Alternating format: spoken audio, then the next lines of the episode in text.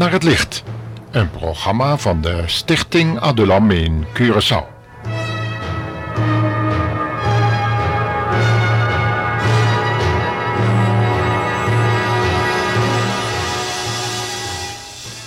Met gebogen hoofd zat ze aan de tafel.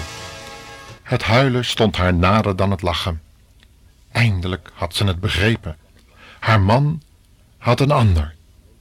Nog niet zo lang geleden was hij met een diepe zucht thuisgekomen en had haar iets toevertrouwd dat ze niet gelijk begrepen had.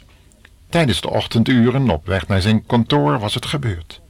Een evangelist met wie hij reeds langere tijd vriendschappelijke betrekkingen had, had hem staande gehouden en hem met enige spanning in zijn stem gevraagd om enkele tijdjes voor hem uit te trekken. Ze hadden op kantoor verder gepraat en plotseling had zijn vriend hem indringend aangekeken en gevraagd ernstig na te denken over de weg die hij momenteel ging. Hij zei niet te weten waarom God hem deze boodschap gaf, maar dat hij hem dringend moest waarschuwen voor het einde van de weg die hij nu bewandelde. En dat was de eeuwige ondergang, zo niet erger, de hel, de plaats van de eeuwige pijniging. De evangelist vertelde erbij dat het niet zijn gewoonte was iemand zo direct te waarschuwen voor het verderf, waar Jezus dikwijls over sprak met de mensen, maar dat hij er nu toe gedrongen werd het rechtstreeks hem aan te zeggen, misschien wel ten koste van de vriendschappelijke relatie. Toen was hij met een bewogen groet vertrokken, hem het beste toewensend. Vanaf dat moment had zijn geest geen rust meer gehad, want hij alleen wist hoe nodig deze waarschuwing was.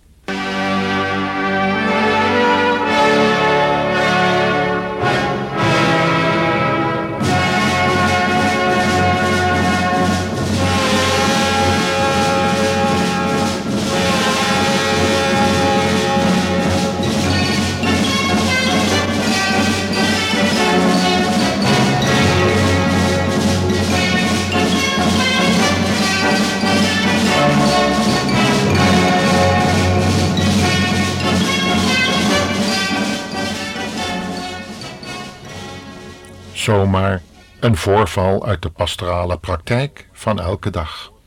Heden, indien u Gods stem hoort, verhard uw hart dan niet.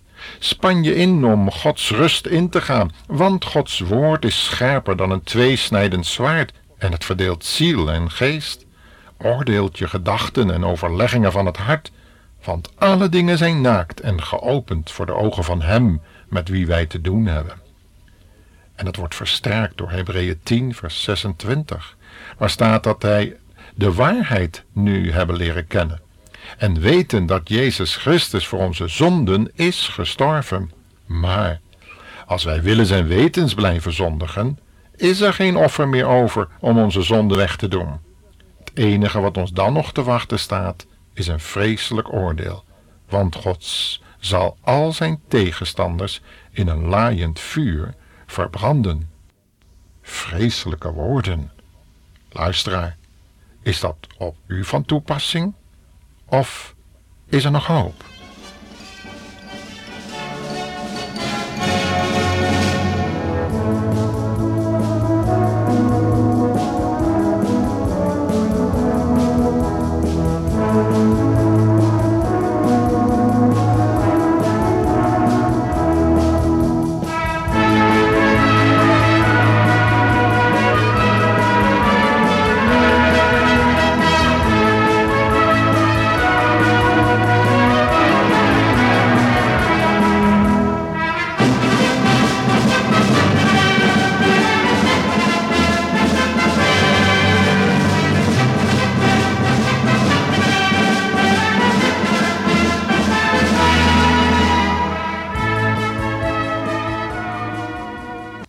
Spreuken 29 vers 1 staat er immers geschreven, een man die ondanks veelvuldige waarschuwingen weigert zijn leven te beteren, komt onverwachts ten val. Ik weet niet wie er op dit moment allemaal luisteren. Dat is altijd weer een verrassing voor de programmamakers. Maar misschien moet dat van de luisteraar ook wel gezegd worden. Veelvuldige waarschuwingen heeft God u gegeven. Hij gebruikte daarvoor omstandigheden, misschien wel ziekte, dromen in de nacht, overdenkingen op de dag. Zomaar als het even wat stil was op het bedrijf waar u werkt, of in de omstandigheden waar u nu bent. Maar moet dat van u ook gezegd worden dat u uw leven weigert te beteren?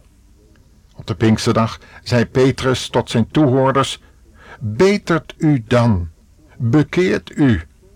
Nee, niet dat wij ons eigen leven kunnen verbeteren. Dat is een onmogelijke zaak, laat de Bijbel zien.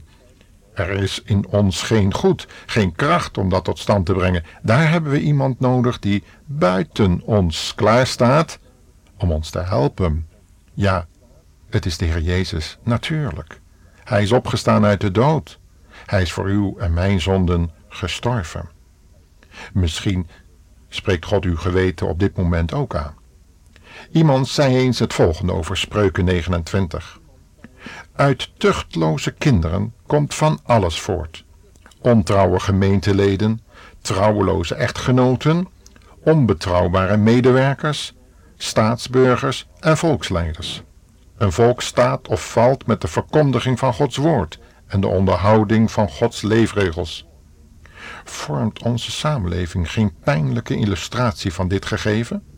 Alles verwildert toch, het huwelijksleven, de maatschappij, de zeden, de mode en de muziek, het gezag en het plichts- en normbesef, de handel en de kunst en zelfs de rechtspraak verwildert toch? Hadden wij ons maar meer gehouden aan wat de Heere God en zijn Zoon gezegd hebben, dan zag onze omgeving er heel anders uit. Ja, ook gelovigen kunnen falen, volharden in het kwaad zelfs.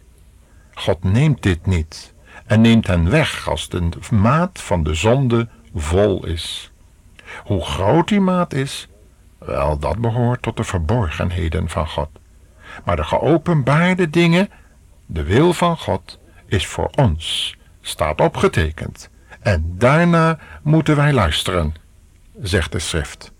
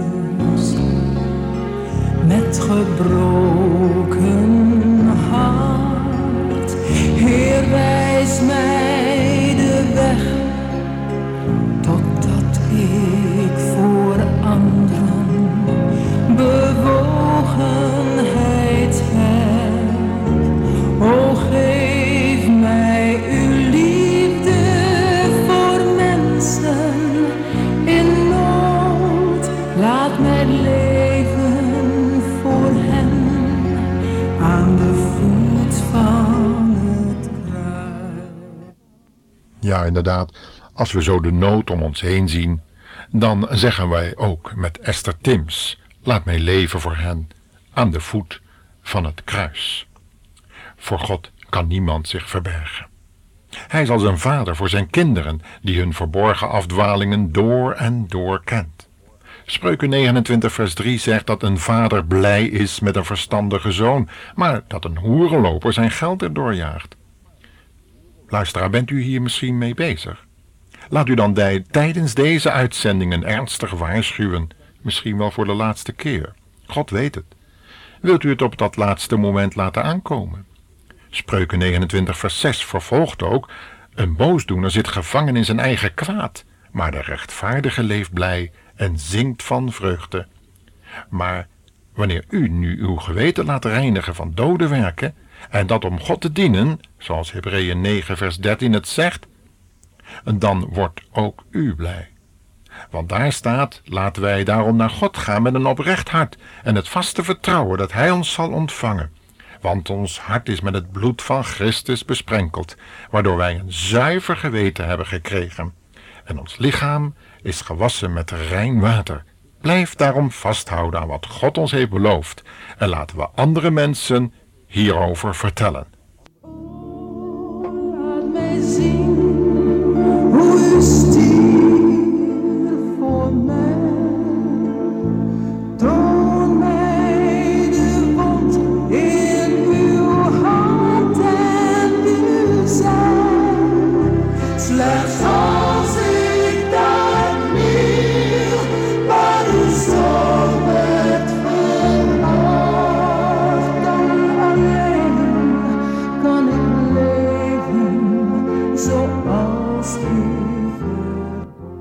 We hebben het samen gehad over de heiligheid van God. En daarom wil ik graag nog wat aan u kwijt. Hoe vindt u het dat mensen die zeggen in het reine gekomen te zijn met die heilige God, met de handen in hun zakken staan te bidden in de kerk, soms zelfs met de ogen open, terwijl ze om zich heen kijken in plaats van omhoog, waar de troon van God is? Stelt u zich de martelaar Stefanus eens voor en toen hij daar voor de heilige troon van God stond en zijn getuigenis gaf van een geopende hemel. Daar zag hij immers Jezus staan, staande ter rechterhand Gods. Zou hij daar met de handen in de zakken gestaan hebben? Of met zijn handen omhoog, gericht naar de hemel, klaar om de zegen te ontvangen die God hem wilde geven?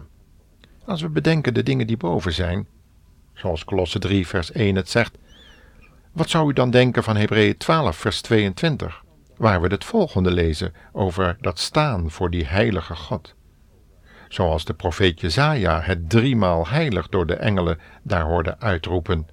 U kunt ook dat lezen in Jezaja 6. Maar laten we dat eens zien. Hebreeën 12, vers 22.